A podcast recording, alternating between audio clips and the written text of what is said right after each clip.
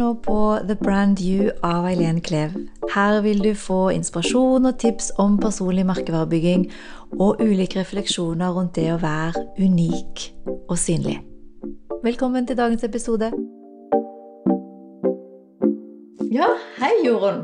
Hei, Eileen. Du er gründer og kursholder og meditasjonslærer. Kan du si litt mer om hva du gjør? Ja, det stemmer. Jeg er, nå jobber jeg mest med online-kurs. Ja, ok. Akkurat for øyeblikket. Hvem jobber du for siste med? året. Hvem er eh, målgruppa? Eh, målgruppa jeg har, eh, jeg har kurs for to forskjellige målgrupper. Så den ene delen er eh, meditasjon mm. for folk flest. Som har lyst til å stresse ned og finne tek teknikker for å puste bedre. Eh, gå for drømmene sine innenfra og ut.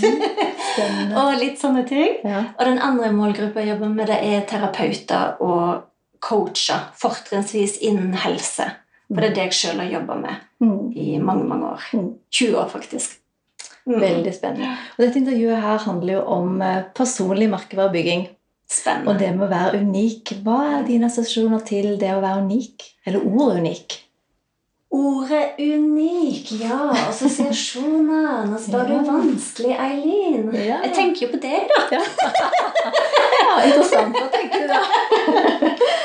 Nei, jeg, tenk, jeg tenker på boka di Ja. og det å være unik og personlig merkevarebygging. Så har jo du bygd deg opp som en merkevare der. Så det måtte jeg bare si. Ja, takk, det, tenker jeg, ja, det tenker jeg på. Og du har ikke betalt for å si det, nei? Ikke det var det hyggelig hele sagt. tatt. Det var Ja. Ja. Ja. Nei, når jeg tenker på ordet unik og merkevare, så tenker jeg egentlig fortrinnsvis på det å være autentisk og seg sjøl. Mm. Ja. Mm. Det er kanskje det aller viktigste jeg tenker på. Um, og så kjente jeg også at terapeutene i meg begynte å tenke litt annerledes. Ja, okay. Fordi I og med at jeg jobber også mye med terapeuter og coacher, Ja. så tenker jeg på en måte at der er det litt, en litt annen ting som gjør at du er ny, unik. sant? Da må du skille deg litt ut i forhold til andre terapeuter og coacher. Mm. Ja. Så Og det var flere i forhold som dukka opp. Ja, Men når du tenker det i forhold til det du sa med at eh, det å være seg selv, det å være unik, eh, og det med terapeuter, tenker du at det ikke passer så godt for terapeuter? Eller hvordan tenker du da når du sier terapeuter Det- er annerledes? Eh, Det kan passe for terapeuter, men det har selvfølgelig litt å si hva type du terapeut du er. Mm. sant? Mm. Når du er terapeut, så tar du også på Altså, du er jo i en behandlerrolle. Mm. Og du skal jo ikke bringe hele deg inn i den behandlerrollen. Du har jo også en rolle som behandler. Mm. Så jeg vil jo si at det er en litt annen form enn enn, eh, Det vil jeg si. En Ja. personlig merker, ja. Ja, Mm. det vil jeg si. Ja. Definitivt. Kan du gi et eksempel der du tenker at eh, det er to forskjellige ting? Sånn som du tenker hvis Ja. Mm. Eh, jeg kan ta et eksempel på meg sjøl som terapeut. Ja. Når jeg jobba som terapeut i 20 år, eh, så jobba jeg mye med kvinner som sleit med det å bli gravide. Mm. Sant? Mm. Og hvis jeg hadde brakt inn hele meg og alle aspekter av meg, Mm. så ville det på mange måter blitt feil i terapeutrollen. Sant? Der Mm. jeg på mange måter er eh, i et rom der jeg skal bistå deg. Mm. Ja. Mm. Så det er litt annerledes enn eh, kanskje rollen jeg har som meditasjonslærer.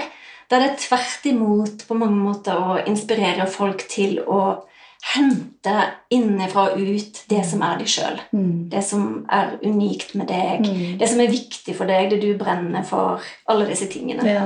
Ja. Ja. Så det, jeg får litt sånn forskjellige assosiasjoner etter hvem jeg tenker på det. Spennende. Så det er det å tenke liksom, merkevare i forhold til eh, relasjonene. I forhold til eh, hvilken bransje du er i, hvilken, ja, hva som er mulig og ikke mulig.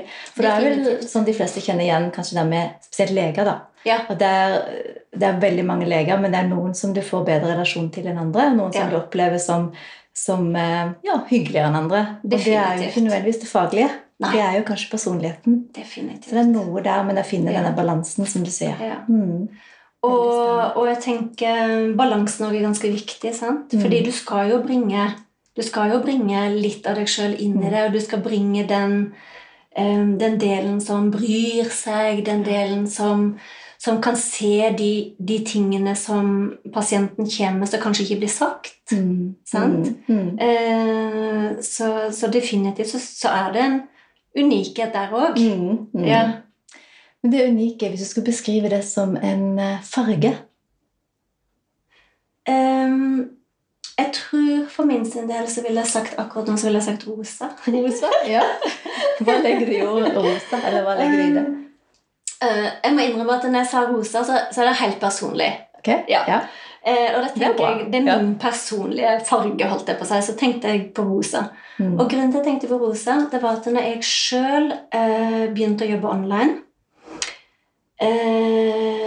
så var jeg veldig opptatt av å være type profesjonell. Virke profesjonell utad. Eh, Syns kanskje det var vanskelig å liksom finne, komme helt ut Mm. med hvem jeg var, i hvert fall når jeg skulle skrive, Mm. for eksempel. Og når du sier profesjonell, kan du si litt mer om hva du la i det? Ja, det, det kan du si. Ja. Fordi eh, det jeg tror at når jeg begynte med det for lenge siden, og nå er jeg helt ærlig Ja, eh, Ja, det er bra. Det Mm. tror jeg alle sammen skal gjøre. Da tror jeg jeg la for mye i hva mine kollegaer Mm. tenkte. Mm. Sant? Så jeg tenkte på andre fagpersoner rundt omkring, hva de ville synes om det jeg skrev. Uh, jeg har alltid syntes det var skummelt å være veldig synlig. Nå er jeg etter hvert veldig synlig, og jeg trives også veldig godt med å være synlig. Men det har ikke vært enkelt fra starten av. Det var vanskelig. Mm. Så det var en fantastisk reise Ja. i på mange måter innenfor og ut det òg, sant? Ja. Um, men grunnen til at jeg sa rosa, var at jeg i mine farger Hvis noen har kikka på min nettside, for eksempel, så ser de at jeg bruker mye grønt og rosa. Mm. Og grønt står for meg for eh, på mange måter det nye. Eh, inspirasjon, det friske. Ja, på en Mhm. måte. Og det rosa står for det lekne. Ah, Ja.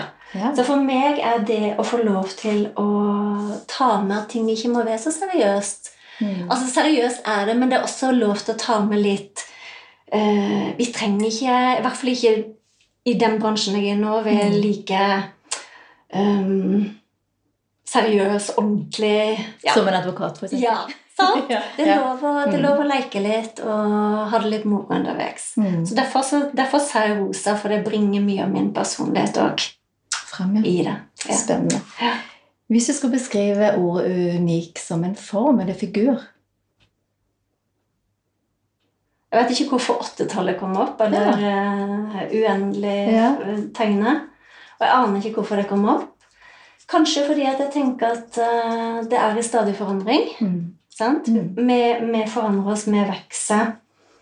Uh, jeg, jeg er veldig opptatt av sjøl det å inspirere. Mm. Sant? Mm. Altså når, jeg, når jeg jobber med folk, så tenker jeg at hvis jeg klarer å inspirere noen til å tørre til å følge drømmene sine, til å kjenne etter hva de har Mm. lyst til, er det, hvem er det jeg vil jobbe med, hvem er det jeg eh, brenner for å jobbe med, på en måte, eh, så tenker jeg at det er det viktigste. Og det tror jeg kanskje endrer seg Mm. gjennom et helt liv. Mm. Så kanskje Det er derfor det kom som den formen. Ja, veldig, veldig bra. Ja. Hvilke assosiasjoner har du til ordet unik i forhold til tung lett? Er det tungt eller lett?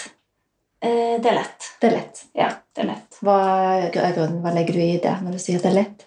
Fordi det ligger, For meg så ligger det ordet unik, så ligger det også det å tillate å være seg sjøl. Mm. Ja. Og um, det burde jo i hvert fall være lett. letteste. Det burde være lett. Ja. Selv om det kanskje ikke alltid er det. Men uh, ja, tenker det at eh, det, det kan faktisk bli lettere enn vi tror. Mm. Å tillate oss å faktisk eh, eh, være mye mer oss sjøl. Mm. Ja. Og jeg hørte det var, jeg husker ikke hvem som sa det, men det var en som sa at det å ikke være seg selv, det er noe av det tyngste og vanskeligste som fins. Ja, det tror jeg på. Så jo Definitivt. Helt klart, altså. Mm. Ja. ja, mm. definitivt. Hvem er den første du tenker på når du tenker personlig merkevare? Deg. Bortsett fra meg. Bortsett fra deg. Oh my god. Eh, det var ikke lett å komme på noen. Hvem er det du opplever som en sterk merkevare? Det kan være noen du kjenner som bare du kjenner, det kan være noen som er worldwide kjent, eller det kan være Det er jo ingen fasit her. Ja. Eh, det er mange av mine terapeuter føler, eller som har tatt mine kurs, jeg føler veldig sine, sine egne personlige merkevarer. Mm. Eh, definitivt. Um, det er det første jeg liksom kommer på. Ja. Men du nevnte meg innledningsvis. Hva, Ja. hva er det du tenker da i forhold til eh, Hvorfor ser du på meg som en personlig merkevare? Jeg tror det er eh, Hvis jeg kan få lov å kalle det det brandingen din. At mm. det, er, det er merkevaret du står for. Sant? At man skal ved, Eller man Unikheten. Mm. Og det, det er liksom det jeg tenker på først. Ja. Ja, Mm. det er egentlig det. Okay. Mm. Mhm. Hvilke andre kjennetegn, eller kjennetegn er som er typisk for de som du ser og tenker? Sånn, terapeutene du nevnte i stad, mm. som ikke har med navn, men sånn som du tenker Mm. på. Eh, hva er det som kjennetegner de som du tenker er sånn sterke merkevarer? Ja. De har um, De har eh, gått noen runder med seg sjøl, Mm. og så har de tenkt Hvem er det jeg vil jobbe med? Mm. Altså, hvem, hvem er det jeg virkelig drømmer å jobbe med? Og de tillater seg å gå for det de har lyst til. Mm. Sant? Mm. De, de på mange måter går ikke bare til en gruppe, men de går også etter Og de personene der, de elsker jeg å jobbe med. Mm. De kunne jeg tenkt meg å hjelpe. Mm. Eh, så de kjenner etter hva de har lyst til, og så kjenner de etter ekspertisen sin. Mm. Hva er det jeg kan jobbe med? Altså hvor er det min, mine sterke sider, på en måte. Mm.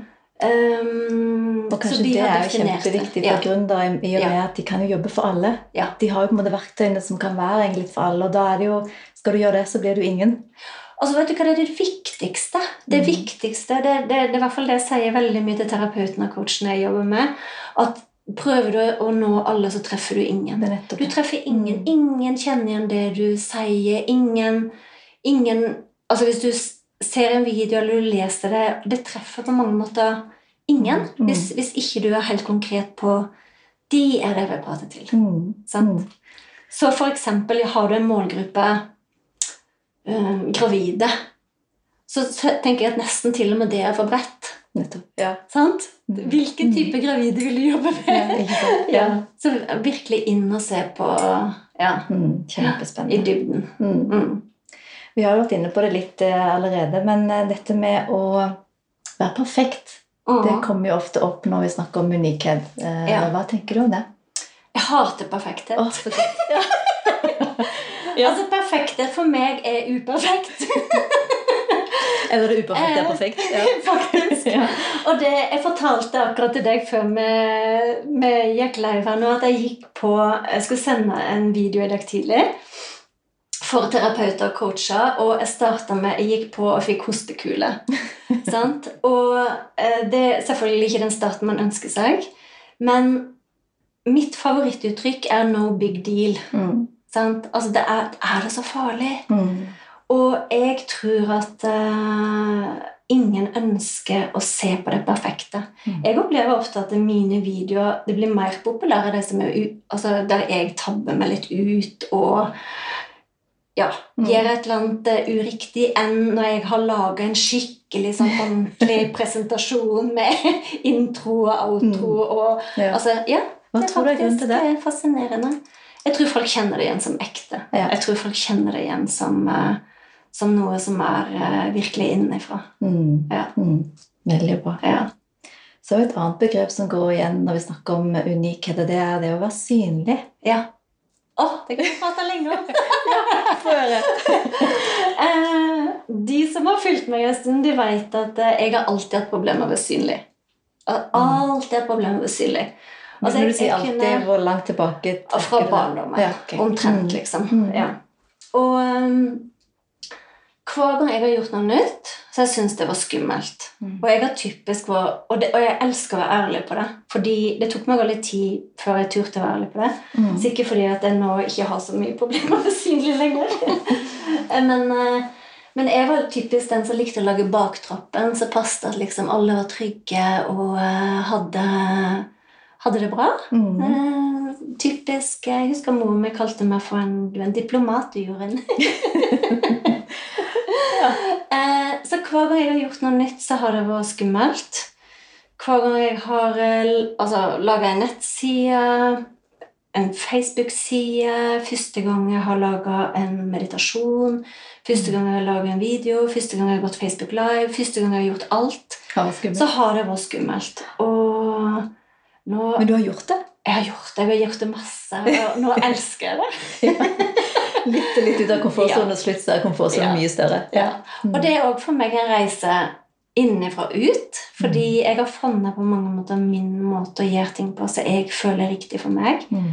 Og det tror jeg også er viktig at folk gjør, at de finner sin måte å gjøre ting på. Mm. Eh, at ikke vi alle blir kopier av å måtte gjøre det samme som alle andre gjør. sant? Mm. Men hva var det som Så- drev deg til å gå ut av komfortsonen og gjøre noe som var så skummelt, som du opplevde som skummelt?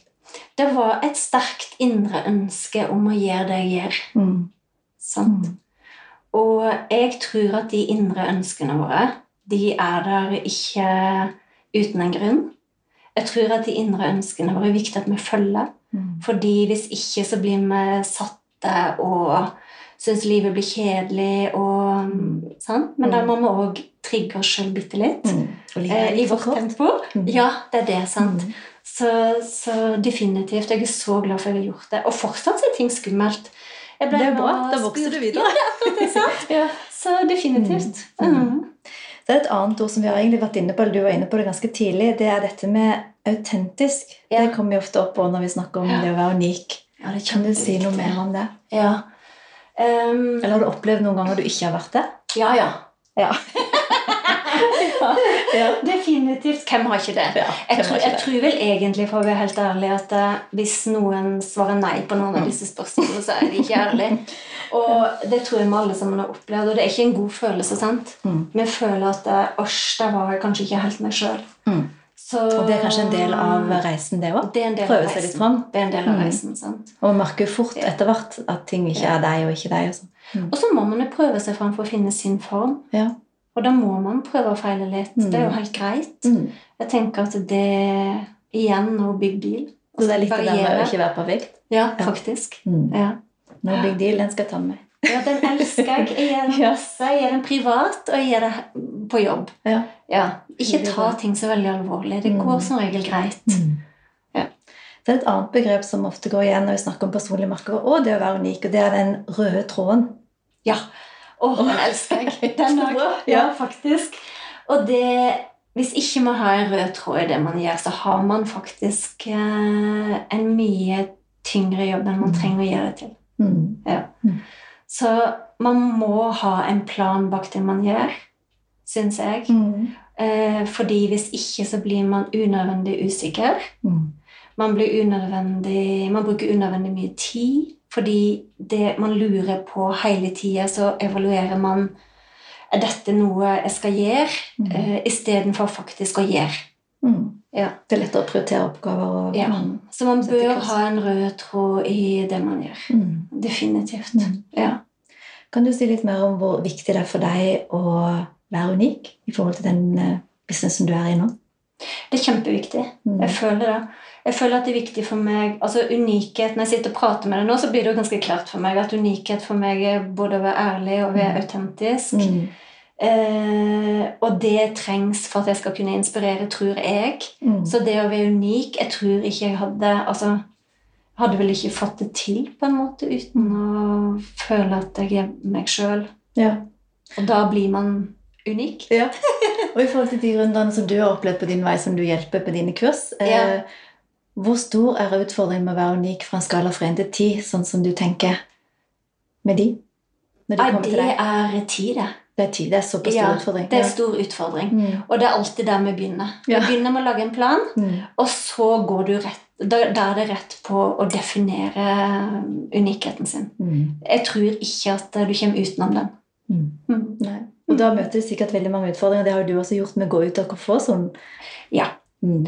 Og det blir på mange måter neste steg. sant? Når Ja. man har definert litt type målgruppe, hvem man er, hvorfor man gjør ting, alle de tingene, så må man finne metoden sin på en måte. Mm.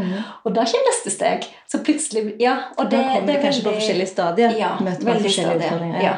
Kan, du, Og, mm. kan du si litt mer om hva du har gjort? For du sa du, du hadde en sånn indre drev som drev deg gjennom utfordringene. ja. Er det andre ting som du tenker som du ser hos dine kunder eller klienter eller de som går på kursene dine, som er gode tips i forhold til når man møter utfordringer med å være for synlig, eller med å ikke være for synlig, men være synlig, da. ja. Eller det å vise mer av seg, så kommer det ofte en del utfordringer og tanker som Ja. kan stoppe en. Ja. Og hva er gode tips? Jeg har jo et veldig godt råd.